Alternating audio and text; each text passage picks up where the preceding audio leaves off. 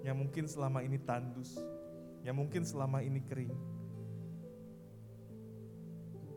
Mungkin kita yang datang dengan masalah, baik masalah pribadi, masalah pelayanan, masalah hubungan dengan sesama, terlebih masalah kita dengan orang tua kita. Siang hari ini, Tuhan mau engkau membereskannya di hadapan Tuhan. Datanglah dengan hati yang bersih, datanglah dengan hati yang tulus,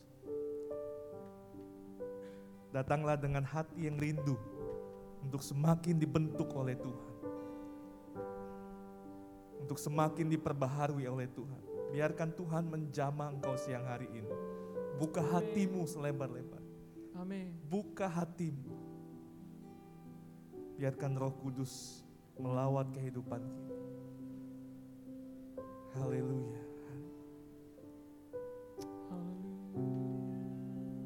Oh, haleluya Yesus. Syukur. Syukur bagimu Yesus. Kuriala basyik hinara layamas. Hallelujah. Hinara Jesus. Kuriala basyik hinara. Berdoa kepada Tuhan siang hari ini teman-teman. Nyatakan apa yang menjadi pergumulanmu siang hari.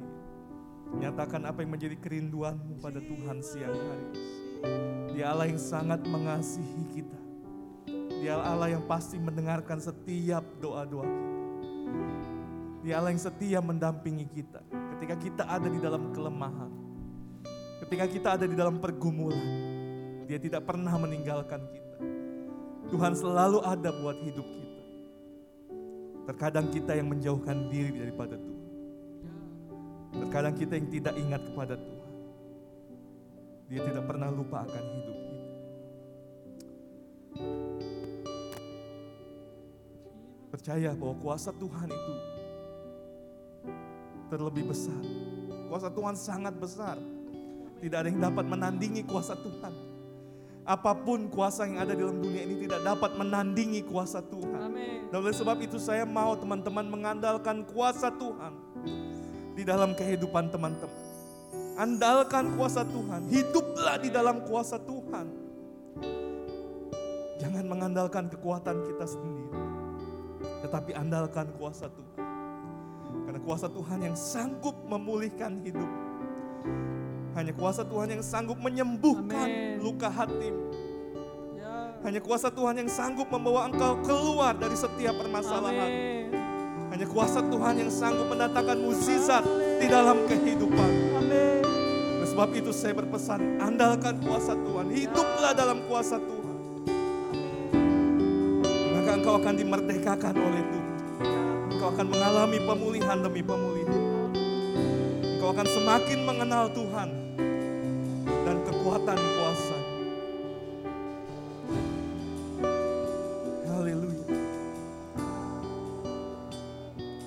kasih Tuhan. Siang hari ini kami mau buka hati kami untuk kebenaran firman. Urapi kami sekali lagi dengan kuat kuasamu Tuhan. Urapi hati dan pikiran kami untuk kami dapat memahami setiap firman yang kami dengar pada siang hari ini.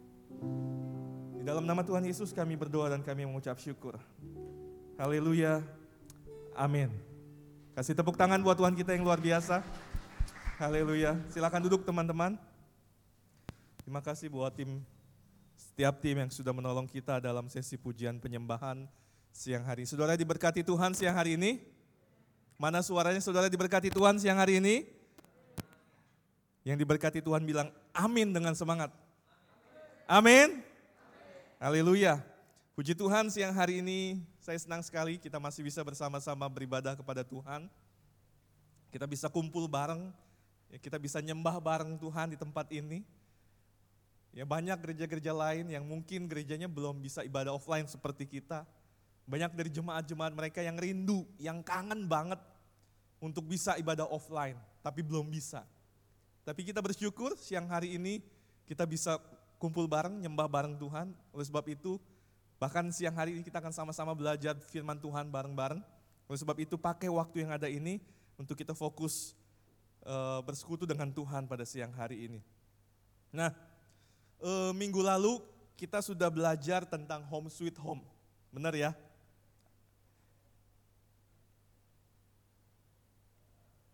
Nah, tema saya siang hari ini adalah back to home. Iya. Nah, sebelum kita masuk kepada eh, tema kita pada siang hari ini, eh, saya mau review sedikit tentang tema kita minggu kemarin yaitu home sweet home. Bahwa kita sebagai seorang anak harus melakukan beberapa hal supaya kita bisa menciptakan home sweet home di dalam kehidupan kita. Langsung saja. Kelihatan nggak teman-teman? Agak ngeblur dikit ya. Ya.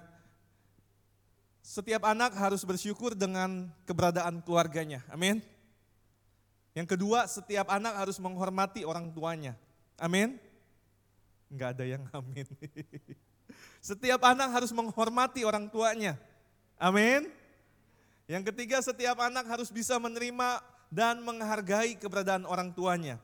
Dan yang keempat, setiap anak harus bisa ikut serta menciptakan suasana home sweet home di rumahnya masing-masing.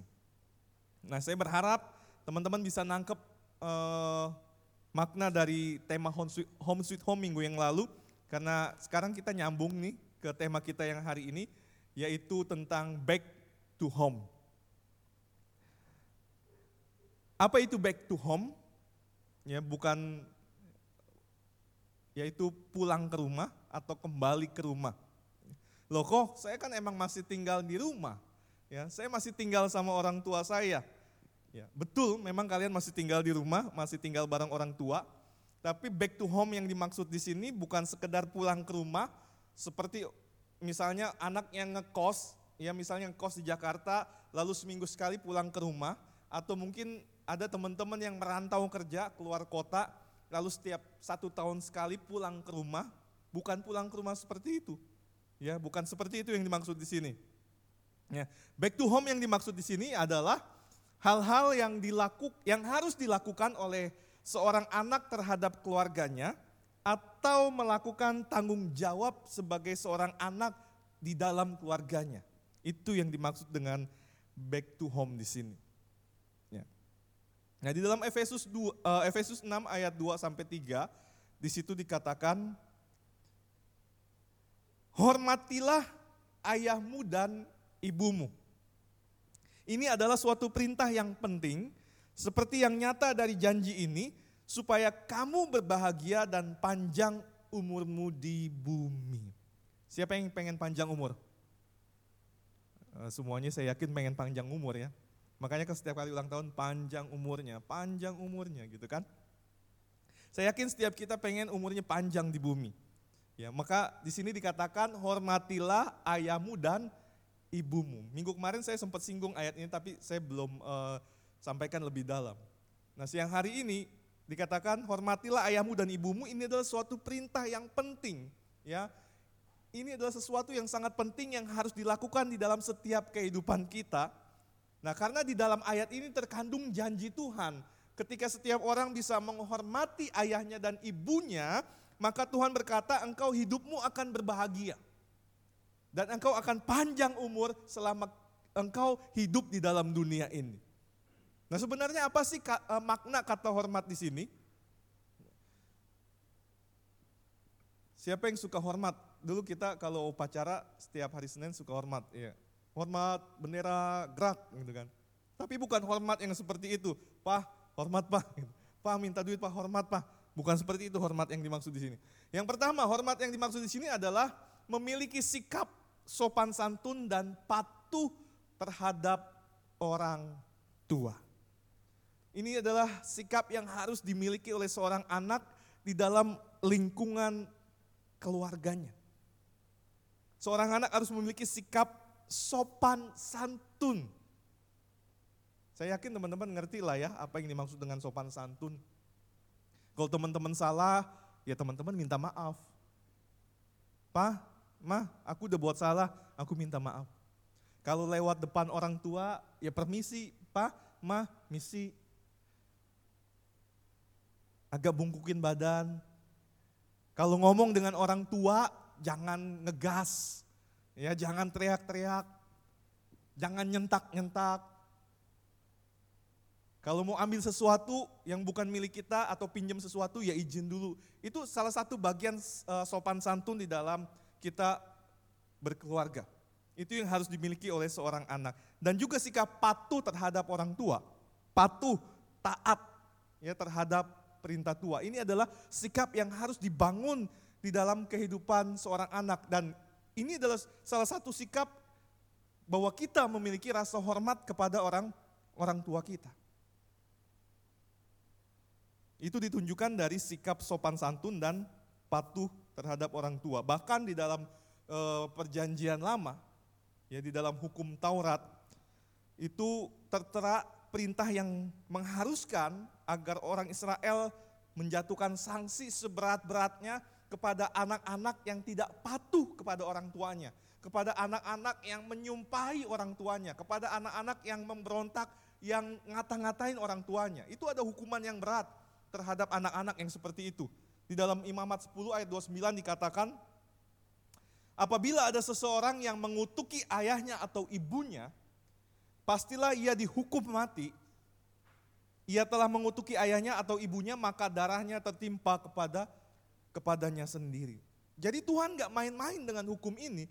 Teman-teman harus tahu bahwa ini adalah salah satu hukum dari 10 hukum Taurat yang disampaikan Tuhan langsung kepada Nabi Nabi Musa. Jadi ini bukan hukum yang main-main. Ini adalah hukum yang harus dipat, yang harus dilakukan oleh setiap anak. Itu yang pertama, kata makna kata hormat yang pertama. Yang kedua, makna yang kedua, hormat di sini maksudnya adalah bertanggung jawab memelihara kelangsungan hidup orang tua. Artinya apa? Artinya kita harus melakukan tanggung jawab kita sebagai seorang anak. Jadi yang bertanggung jawab di dalam sebuah keluarga itu bukan cuma papa mama kita. Tetapi kita juga sebagai anak harus bertanggung jawab. Ada tanggung jawab yang harus kita lakukan juga sebagai seorang anak. Jadi kita jangan cuma bisa nuntut hak kita. Ya, Jangan cuma bisa minta, minta, minta orang tua melakukan sesuatu buat kita. Minta uang jajan, minta macam-macam lah. Bukan cuma minta hak, tapi juga ada kewajiban yang harus dilakukan oleh seorang anak di dalam keluarga. Itu yang harus kalian tahu. Ya, bertanggung jawab memelihara kelangsungan hidup orang tua. Nah di sini saya akan membagikan apa saja yang menjadi tanggung jawab anak di dalam keluarga yang perlu teman-teman ketahui. Yang pertama, seorang anak harus menjadi anak yang membanggakan orang tuanya. Katakan amin. Teman-teman mau jadi anak yang membanggakan orang tua? Halo? Amin? Mau? Haleluya. Amsal 10 ayat 1 dikatakan, anak yang bijak mendatangkan sukacita kepada ayahnya. Tetapi anak yang bebal adalah kedukaan bagi ibunya. Sekali lagi saya ulangi, anak yang bijak mendatangkan sukacita kepada ayahnya. Tetapi anak yang bebal adalah kedukaan bagi ibunya. Nah teman-teman, tanggung jawab anak yang pertama adalah membuat orang tua kita bangga. Ketika mereka bangga dengan hidup kita, dengan hidup yang kita jalani, dengan otomatis mereka akan merasakan sukacita yang luar biasa di dalam kehidupan mereka. Di dalam hatinya mereka akan berkata, saya bangga dengan anak saya. Saya bangga luar biasa dengan kehidupan anak saya. Dan untuk kita bisa membuat orang tua kita bangga, di sini kata kuncinya adalah kita harus jadi anak yang yang apa? Jadi anak apa? Anak yang bi bijak. Untuk kita bisa membuat orang tua kita bersuka cita, maka kita harus belajar menjadi anak yang bijak. Anak yang bijak akan membuat orang tuanya bersuka cita. Anak yang bijak akan membuat orang tuanya menjadi bang, bangga. Artinya bagaimana? Artinya gini, artinya kita sebagai anak harus bisa mengelola, menata kehidupan kita dengan dengan baik, dengan arif, dengan penuh hikmat. Kita harus menjalani kehidupan kita dengan penuh hikmat. Sehingga hidup kita akan menjadi baik. Hidup kita akan menjadi berprestasi. Hidup kita akan menjadi kebanggaan bagi orang tua kita.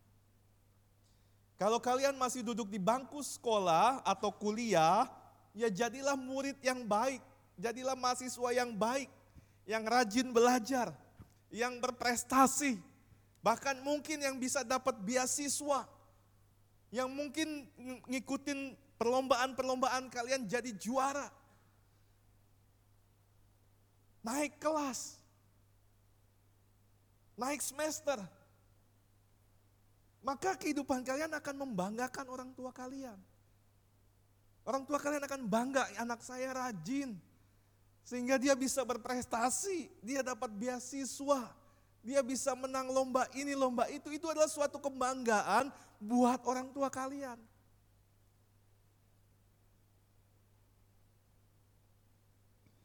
Tapi kalau kalian jadi anak sekolah atau jadi mahasiswa yang yang males belajar, yang sering bolos, yang harusnya uang bayaran dibayarin tapi dipakai buat jajan, yang terlibat keonaran, terlibat tawuran, terlibat kriminalisme, akhirnya orang tua kalian dipanggil menghadap kepala sekolah, menghadap dekan, rektor, kalian diskors dan lain-lain.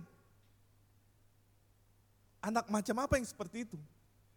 Bukan membanggakan orang tua, tetapi sebaliknya, malah menyedihkan hati orang orang tua. Jadi kalian nggak bisa melakukan tanggung jawab itu di dalam kehidupan kalian. Atau buat kalian yang uh, yang sekarang sudah bekerja, sudah mulai merintis usaha, ya jadilah pekerja yang baik. Jadilah pebisnis yang baik, pebisnis yang jujur. Jadilah pekerja yang rajin. Jangan dikit-dikit bolos, dikit-dikit bolos. Jangan dikit-dikit kesiangan, kesiangan datang kesiangan terus. Jag, punyalah attitude yang baik, etika yang baik di dalam pekerjaan saudara. Sehingga apa? Pimpinan saudara akan melihat, wah anak ini baik. Anak ini rajin. Anak ini pinter. Oh dia layak dapat promosi. Oh jabatannya dinaikin. Oh bonusnya akhir tahun dinaikin. Dua kali lipat. Bisa beliin papa mamanya pakaian, bisa ajak makan di sini, bisa kasih hadiah. Wah, orang tua kalian akan bangga. Ya, orang tua kalian akan cerita, ini loh anak saya nih, oh bisnisnya udah mulai maju. Dia udah udah bisa beli rumah, dia udah bisa beli motor. Dia udah bisa ajak kita jalan-jalan. Orang tua kalian akan bangga. Tapi kalau sebaliknya jadi karyawan, bukannya dapat promosi jabatan malah dipecat. Gaji nggak tahu ke mana, dihambur-hamburkan, diboros-borosin. Kalau jadi karyawan atau pekerja yang seperti itu, itu bukan bikin bangga orang tua kita, tapi bikin orang tua kita sedih.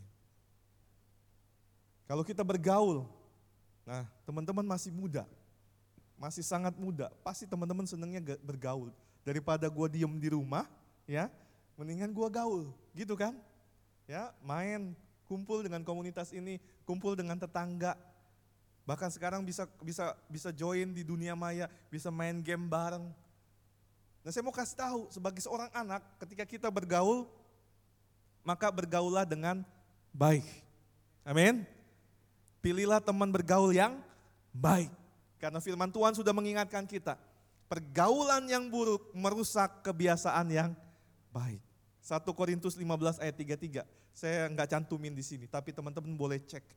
Dalam 1 Korintus 15 ayat 33 di situ Paulus sudah mengingatkan pergaulan yang buruk merusak kebiasaan yang baik. Jadi kalau kita mau membanggakan orang tua kita, maka hati-hatilah dalam bergaul.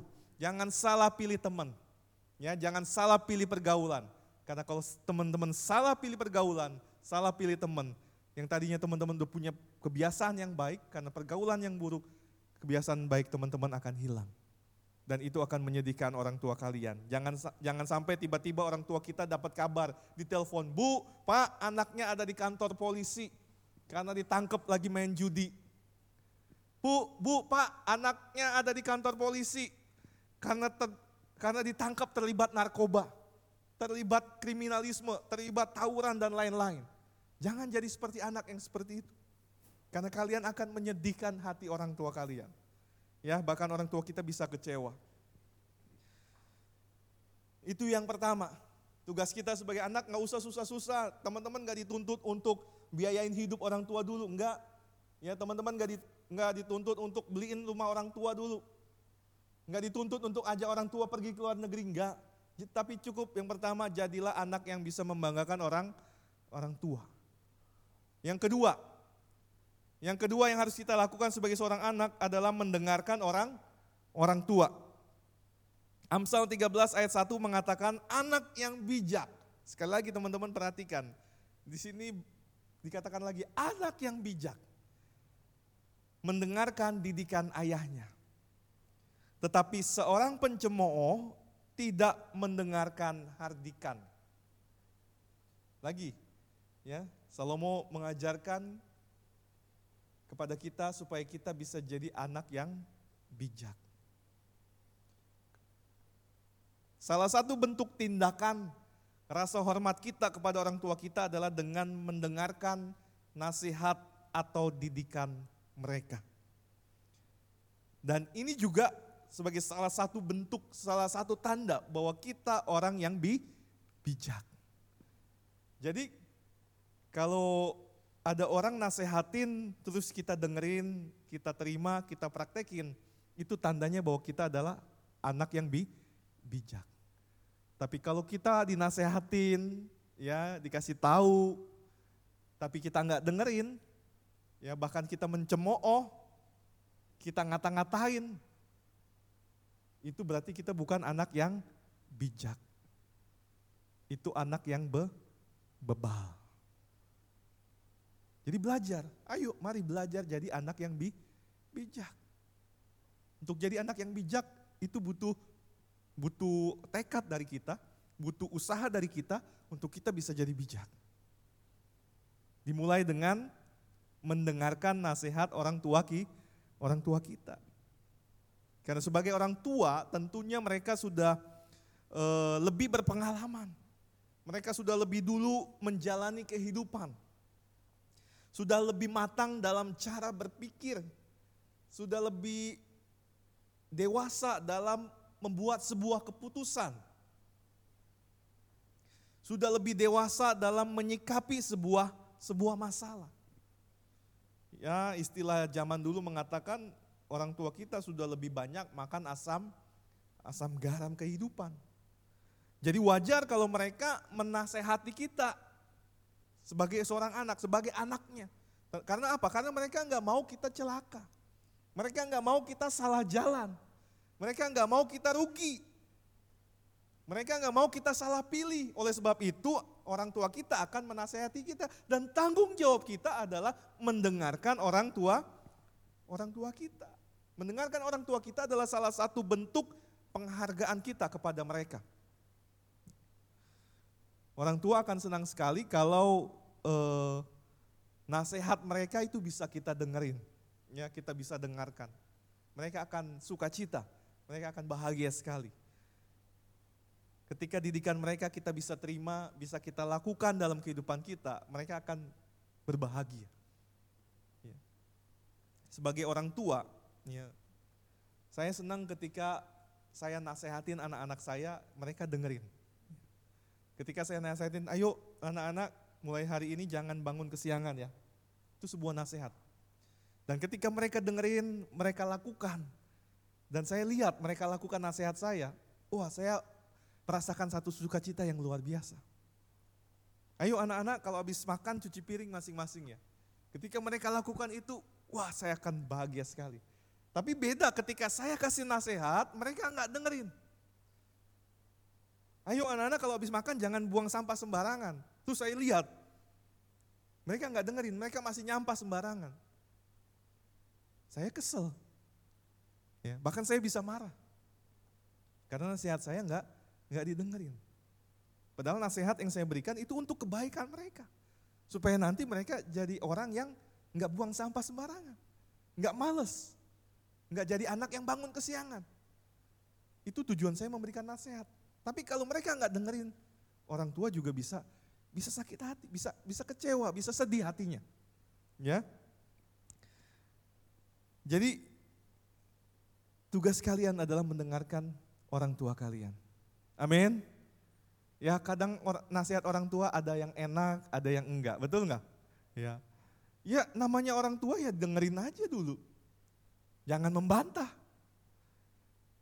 Mungkin nasihat mereka ada yang masuk, ada yang enggak dengan kondisi zaman sekarang. Namanya juga udah beda zaman. Ya, orang tua kalian lahirnya tahun 60, tahun 70. Belum ada internet, ya, belum ada gadget, ya, belum banyak mall. Tapi kalian hidup di zaman milenial ini yang udah ada gadget, udah ada internet, macem-macem. Mungkin nasihat mereka mungkin di dalam otak kalian, mama papa jadul amat sih.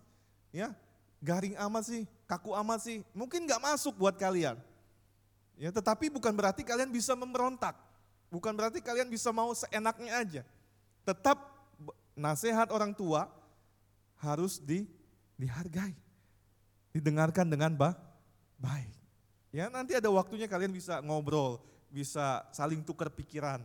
Ya, kalian juga jelaskan keadaan yang sekarang terjadi. Mungkin mereka juga butuh oh, masukan, ya butuh berita-berita yang terbaru di mana saat ini kita hidup. Jadi bisa saling ngobrol. Tapi tugas kalian yang pertama adalah mendengarkan. Yang ketiga, yang ketiga adalah membantu orang tua kita. Ya, kita akan belajar dari kisah Yusuf. Ya. Kejadian 45 ayat 9 sampai 15. Saya bacain teman-teman dapat simak dengan baik. Ini cukup panjang. Segeralah Yusuf, eh, segeralah kamu kembali kepada bapak. Ya, ini kata Yusuf nih kepada adiknya, kepada saudara-saudaranya. Segeralah kamu kembali kepada bapak dan katakanlah kepadanya. Beginilah kata Yusuf, anakmu. Allah telah menempatkan aku sebagai tuan atas seluruh Mesir. Datanglah mendapatkan aku. Janganlah tunggu-tunggu, engkau akan tinggal di tanah Goshen dan akan dekat kepadaku. Engkau serta anak cucumu, kambing dombamu, dan lembu sapimu, dan segala milikmu. Di sanalah aku memelihara engkau. Sebab kelaparan ini masih ada lima tahun lagi. Supaya engkau jangan jatuh miskin bersama seisi rumahmu dan semua orang yang ikut serta dengan engkau. Dan kamu telah melihat dengan mata sendiri, dan saudaraku Benyamin juga, bahwa mulutku sendiri mengatakannya kepadamu. Sebab itu ceritakanlah kepada Bapak segala kemuliaanku di negeri Mesir ini dan segala yang telah kamu lihat dan segala yang telah kamu lihat Kemudian segeralah bawa bapak kemari. Lalu dipeluknyalah leher Benyamin adiknya itu dan menangislah ia. Dan menangis pula lah Benyamin pada bahu Yusuf. Yusuf mencium semua saudaranya itu dan saudaranya itu dengan mesra dan ia menangis sambil memeluk mereka. Sesudah itu barulah saudara-saudaranya bercakap-cakap dengan dia. Ini adalah kisah Yusuf. Ayat-ayat ini ayat-ayat akhir dari kisah perjalanan dia di Mesir. Teman-teman tahu perjalanan hidup Yusuf tuh nggak mulus. Banyak penderitaan. Dia di, dibuang ke dalam sumur, diangkat lalu dijual ke Potifar. Ya, di rumah Potifar dia kerja, dituduh ya mau menyelingkuhi istri Potifar di, di penjara. Ya, di penjara bertahun-tahun, singkat cerita sampai dia akhirnya kebenaran itu terungkap, dia diangkat menjadi orang nomor dua di Mesir. Dan singkat cerita terjadi kelaparan di tanah kelahiran orang tuanya di, di tanah Kanaan. Lalu hanya Mesir yang mempunyai lumbung gandum. Akhirnya mereka datang ke sana untuk beli gandum dan datanglah pula saudara-saudara Yusuf yang dulu telah menjual dia ke tangan uh, orang Mesir. Padahal secara biologis ya, secara manusiawi sakit ya kalau teman-teman dijual oleh kakak atau adik kalian, sakit nggak? Sakit. Ya dianiaya dulu, dibuang ke dalam sumur, lalu diangkat lagi, dijual ke kafilah, dari kafilah dijual lagi ke Potifar. Sakit nggak? Sakit lah. Sedih lah pasti. Tapi ternyata ada Yusuf mengetahui itu itu rencana Tuhan, itu maksud Tuhan untuk mengirim dia ke Mesir sehingga ketika ada kelaparan panjang terjadi, dia menjadi penguasa Mesir yang bisa menolong keluarganya. Dan ketika dia sudah menjadi orang nomor dua di Mesir, dia nggak lupa dengan keluarganya. Sekalipun dia udah berhasil. Kalau dia mau melupakan keluarganya, dia bisa aja. Dia bisa perintahkan pasukannya untuk tangkap saudara-saudaranya, masukin ke penjara, bisa aja. Dia nggak kasih izin saudara-saudaranya untuk beli gandum, bisa aja. Tapi apa yang dilakukan Yusuf? Yusuf mengampuni saudara-saudaranya. Yusuf bisa menerima kembali saudara-saudaranya. Bahkan dia berpesan supaya ayo kalian pulang, bawa bapak saya kemari, bawa Yakub ke tanah Goshen. Supaya dia tinggal di sana, disediain rumah, dijamin eh, bahan apa sandang pangan papanya, dia bisa tinggal dengan penuh ketenangan, penuh dengan kecukupan. Jadi Yusuf bukan tipikal anak yang lupa dengan orang tuanya. Sekalipun dia sudah berhasil, sekalipun dia di negeri yang jauh, tetapi dia tetap ingat kepada orang tuanya, kepada bapaknya dan kepada saudara-saudaranya. Ketika mereka ada dalam kesusahan, mereka dibantu oleh Yusuf. Yusuf mau membantu mereka. Yusuf memelihara kehidupan orang tuanya. Dan biarlah kita bisa belajar dari kehidupan Yusuf. Kita juga mau membantu orang tua kita. Amin. Jangan jadi seperti cerita legenda yang mengatakan maling kundang, malin kundang yang pergi merantau setelah berhasil dia pulang dia lupa dengan orang tuanya. Dia lupa dengan ibunya. Dia tidak mengakui ibunya. Jangan jadi orang yang seperti itu. Kalian adalah anak-anak Tuhan yang sudah tahu kebenaran firman Tuhan. Kalian juga harus membantu orang tua kalian. Amin. Ketika kalian berhasil, saya nggak tahu nih nanti kalian akan jadi apa. Mungkin ada yang jadi presiden, ada yang jadi menteri, ada yang jadi, jadi dokter, jadi pengacara, jadi bisnismen, punya banyak usaha, jadi orang kaya, jadi konglo-konglo. Saya mau pesan jangan lupa dengan orang tua kalian. Amin. Seberhasil apa pun kalian, setenar apa pun kalian. Tapi kalian harus tetap ingat orang tua kalian. Bantu mereka. Yang keempat, tugas kita yang keempat sebagai seorang anak adalah merawat orang tua. Waktu itu berputar ya. Waktu kalian lahir, kalian dirawat oleh orang tua kalian. Ya, berjalan terus sampai usia usia berapa biasanya lepas dari perawatan? Sampai usia usia menikah biasanya gitu ya. Sampai usia menikah biasanya lepas dari perawatan orang tua karena mungkin pindah ya punya punya rumah sendiri. Nah sebaliknya terus waktu berjalan kalian bertambah dewasa, orang tua kita tambah tua. Ya, usianya bertambah, fisiknya berkurang.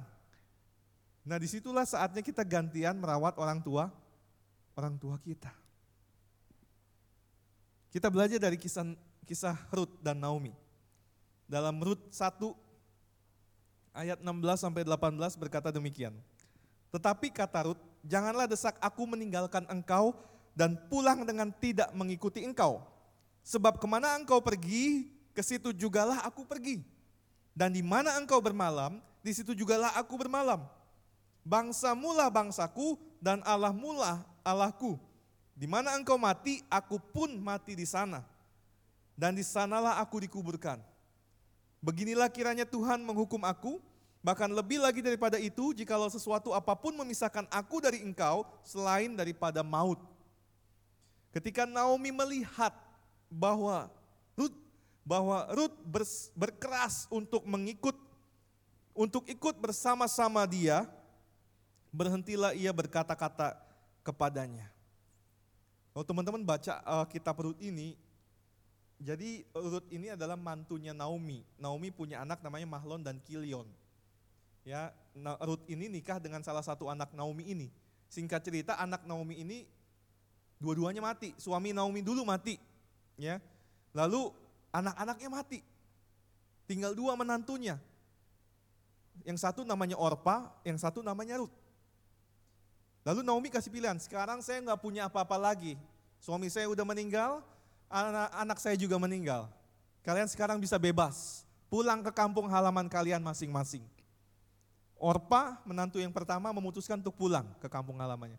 Tapi Ruth nggak mau. Ya, Ruth berkeras untuk ikut bersama-sama dengan Naomi ke kampung halamannya Naomi. Di mana Naomi mati, di situ juga dia akan mati. Di mana Naomi tinggal, di situ juga dia akan tinggal. Karena apa? Karena Naomi ingin merawat, eh, karena Ruth ingin merawat Naomi. Sekalipun dia hanya anak menantu, tetapi dia punya keinginan yang kuat. Di sini dikatakan berkeras.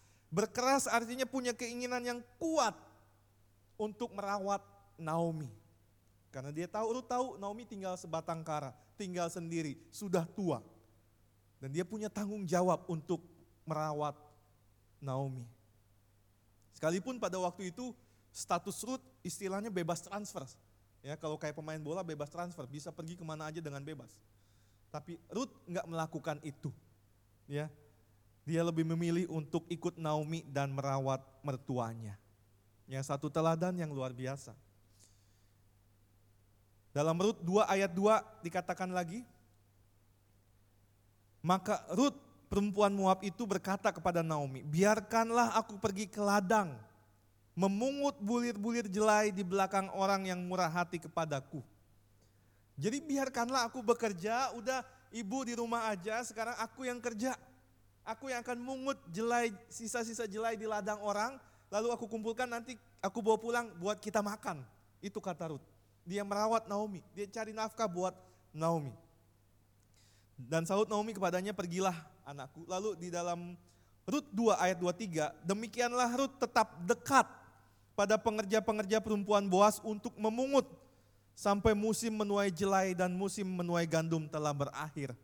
Dan selama itu ia tinggal pada mertuanya. Ia tinggal satu rumah dengan Naomi. Ia terus merawat Naomi. Teman-teman, mari kita mau punya keinginan yang kuat untuk terus merawat orang tua kita. Kita mau bayar harga untuk merawat orang tua kita. Amin. Belajar dari sekarang. Ya, belajar peduli, care dengan orang tua kita. Sekalipun kita sibuk, ya. Saya tahu teman-teman sibuk, teman-teman punya kerjaan, punya tugas, ya punya teman di luar, punya aktivitas di luar. Tapi ketika orang tua kita, orang tua kita butuh bantuan kita, maka kita juga harus menyediakan waktu buat mereka. Mungkin di rumah lagi nggak ada orang, rumah lagi banyak, uh, lagi berantakan, butuh bantuan, butuh uh, support kita, ya kita bantu. Mungkin orang tua kita lagi sakit, kurang sehat, butuh dibawa ke dokter, ya kita bantu mereka. Kita rawat mereka. Atau mungkin ketika mereka lagi sakit, sekalipun mungkin kita ada tugas, ada kerjaan, ada hal-hal lain yang harus kita kerjakan juga, tapi kita harus bisa mengatur waktu supaya kita juga bisa merawat orang tua orang tua kita. Jangan saking sibuknya ya saking sibuknya ngurus bisnis, ngurus ini dan itu nanti ya. Jangan kalian menganggap ah oh, orang tua nih ya hanya menyusahkan aja, udah masukin aja panti jompo. Jangan teman-teman. Ya, kalian akan jadi anak yang durhaka. Yang yang udah pernah dibaptis, masih ingat contoh 10 perbuatan durhaka anak? Saya udah jabarin tuh waktu saya ngajar kelas baptisan ke kalian. Coba diingat lagi, dibuka lagi. Itu kaitannya dengan orang tua. Jadi jangan sampai nanti kita jadi anak yang durhaka. Ketika kita tidak mau merawat orang tua kita. Nah apakah selama ini kita sudah merawat orang tua kita dengan baik? Ya mungkin kalau umur kalian masih muda ya memang kalian sekarang yang masih dirawat. Ya, tapi kan saya ngomong ini nih bukan buat sekarang doang. Ya, bukan buat satu dua minggu ini. Tapi firman Tuhan hari ini berlaku sampai kalian nanti tua juga. Amin. Sampai nanti kalian yang akan gantian ngerawat orang tua kalian. Kalian ingat firman Tuhan hari ini bahwa tanggung jawab seorang anak salah satunya adalah merawat orang orang tua kalian. Yang kelima, yang terakhir. Berkorban buat orang tua kita. Dalam kejadian 22 ayat 6 sampai 10, ini kisah Abraham dan Ishak. Lalu Abraham mengambil kayu untuk korban bakaran itu dan memikulkannya ke atas bahu Ishak, anaknya. Sedang di tangannya Abraham bawa api dan pisau. Demikianlah keduanya berjalan bersama-sama, naik mau naik ke gunung Moria. Lalu berkatalah Isa kepada Abraham ayahnya, Bapak, sahabat Abraham, ya anakku, Bertanyalah ia, di sini udah ada api dan kayu. Tetapi di manakah anak domba untuk korban bakaran itu? Ya secara logika Ishak Ishak bingung. Abraham udah pegang pisau, udah pegang api. Kayu bakar udah dipanggul ke bahunya Ishak. Dia udah manggul kayu tuh. Lalu mereka jalan naik. Dia bingung. Ini bapak gua mau bikin korban bakaran, tapi anak dombanya nggak ada. Ya kan, kalian pasti nanya kan? Bingung, ini gimana ceritanya gitu? Sebelumnya kalau kalian baca ayat sebelumnya, di sini kan Tuhan sedang menguji Abraham. Tuhan bilang persembahkanlah anakmu itu kepadaku, kata Tuhan itu. Jadi sebenarnya di dalam hati Abraham, ya tega nggak tega, dia dia harus mengorbankan anaknya. Tapi kalau saat itu dia ngomong, kira-kira Ishak lari nggak? lari nggak? Lari pasti. Siapa yang mau disembelih? Kalau diceritain langsung kamu mau saya sembelih, kalau nggak lari. Tapi Abraham memakai hikmat dari Tuhan, dia bilang gini, sahut Abraham, Allah yang akan menyediakan anak domba untuk korban bakaran baginya anakku. Demikianlah mereka demikianlah keduanya berjalan bersama-sama sampailah mereka ke tempat yang dikatakan Allah kepadanya. Lalu Abraham mendirikan mesbah, dia bangun mesbah untuk korban bakaran. Disusunyalah kayu yang dibawa sama Ishak, lalu diikatnya Ishak. Ini saya nggak tahu gimana caranya dia bisa ngikat nih. Atau mungkin dia udah berdialog gitu. Ya, mungkin pas sampai di atas gunung itu Abraham baru cerita bahwa dia sudah bertemu dengan Tuhan dan Tuhan minta agar saya mempersembahkan kamu sebagai korban bakaran. Sehingga akhirnya Ishak bisa diikat, ditaruh di atas mesbah. Dan tinggal gorok, tinggal sembelih, lalu baru Tuhan bersuara. Jadi artinya apa? Gini, Ya, di sini memang nggak diceritakan secara detail. Ya, kenapa Ishak mau jadi korban persembahan? Tapi saya yakin karena anak zaman perjanjian lama dengan anak zaman sekarang beda. Ya, anak zaman perjanjian lama harus benar-benar taat dan patuh kepada orang tuanya. Tadi kan yang kita bahas di awal, hormatilah ayahmu dan ibumu. Jadi kalau anak itu menolak perintah orang tua, mungkin dia nggak mati disembelih, tapi bisa juga dia mati karena murka Tuhan. Hukuman Tuhan langsung datang menghukum dia. Jadi mungkin saja waktu itu Ishak memang taat, ya udah dia berkorban. Dia mem, dia membiarkan dirinya untuk disembeli untuk jadi korban bakaran buat Tuhan. Supaya tuh supaya Abraham tidak melanggar janjinya, tidak tidak mengingkari janjinya kepada Tuhan untuk mempersembahkan Ishak. Jadi artinya Ishak mau berkorban untuk ayahnya Abraham. Supaya iman ayahnya di hadapan Tuhan tetap berkenan. Tetapi apa yang terjadi Tuhan juga sudah melihat ketulusan iman Abraham sehingga akhirnya Tuhan bersuara, jangan apa-apakan anakmu itu. Lalu muncul kambing, mbe gitu. Dan diambil untuk jadi korban bakaran. Nah, teman-teman ini dikasih Tuhan, di sini kita bisa melihat bahwa Ishak mau berkorban untuk orang tuanya. Pertanyaan buat kalian siang hari ini. Berkorban dalam hal apa yang bisa kita lakukan untuk orang tua kita? Apa yang bisa kalian lakukan untuk orang tua kalian? Berkorban tenaga, korban waktu, korban uang,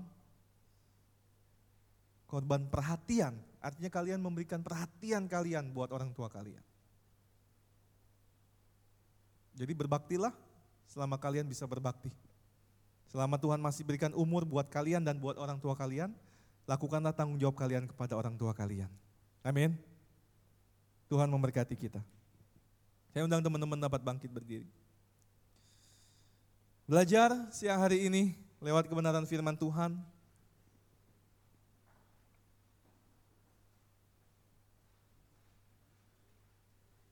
Mari kita mau menjadi anak-anak yang melakukan tanggung jawab kita di keluarga kita masing-masing.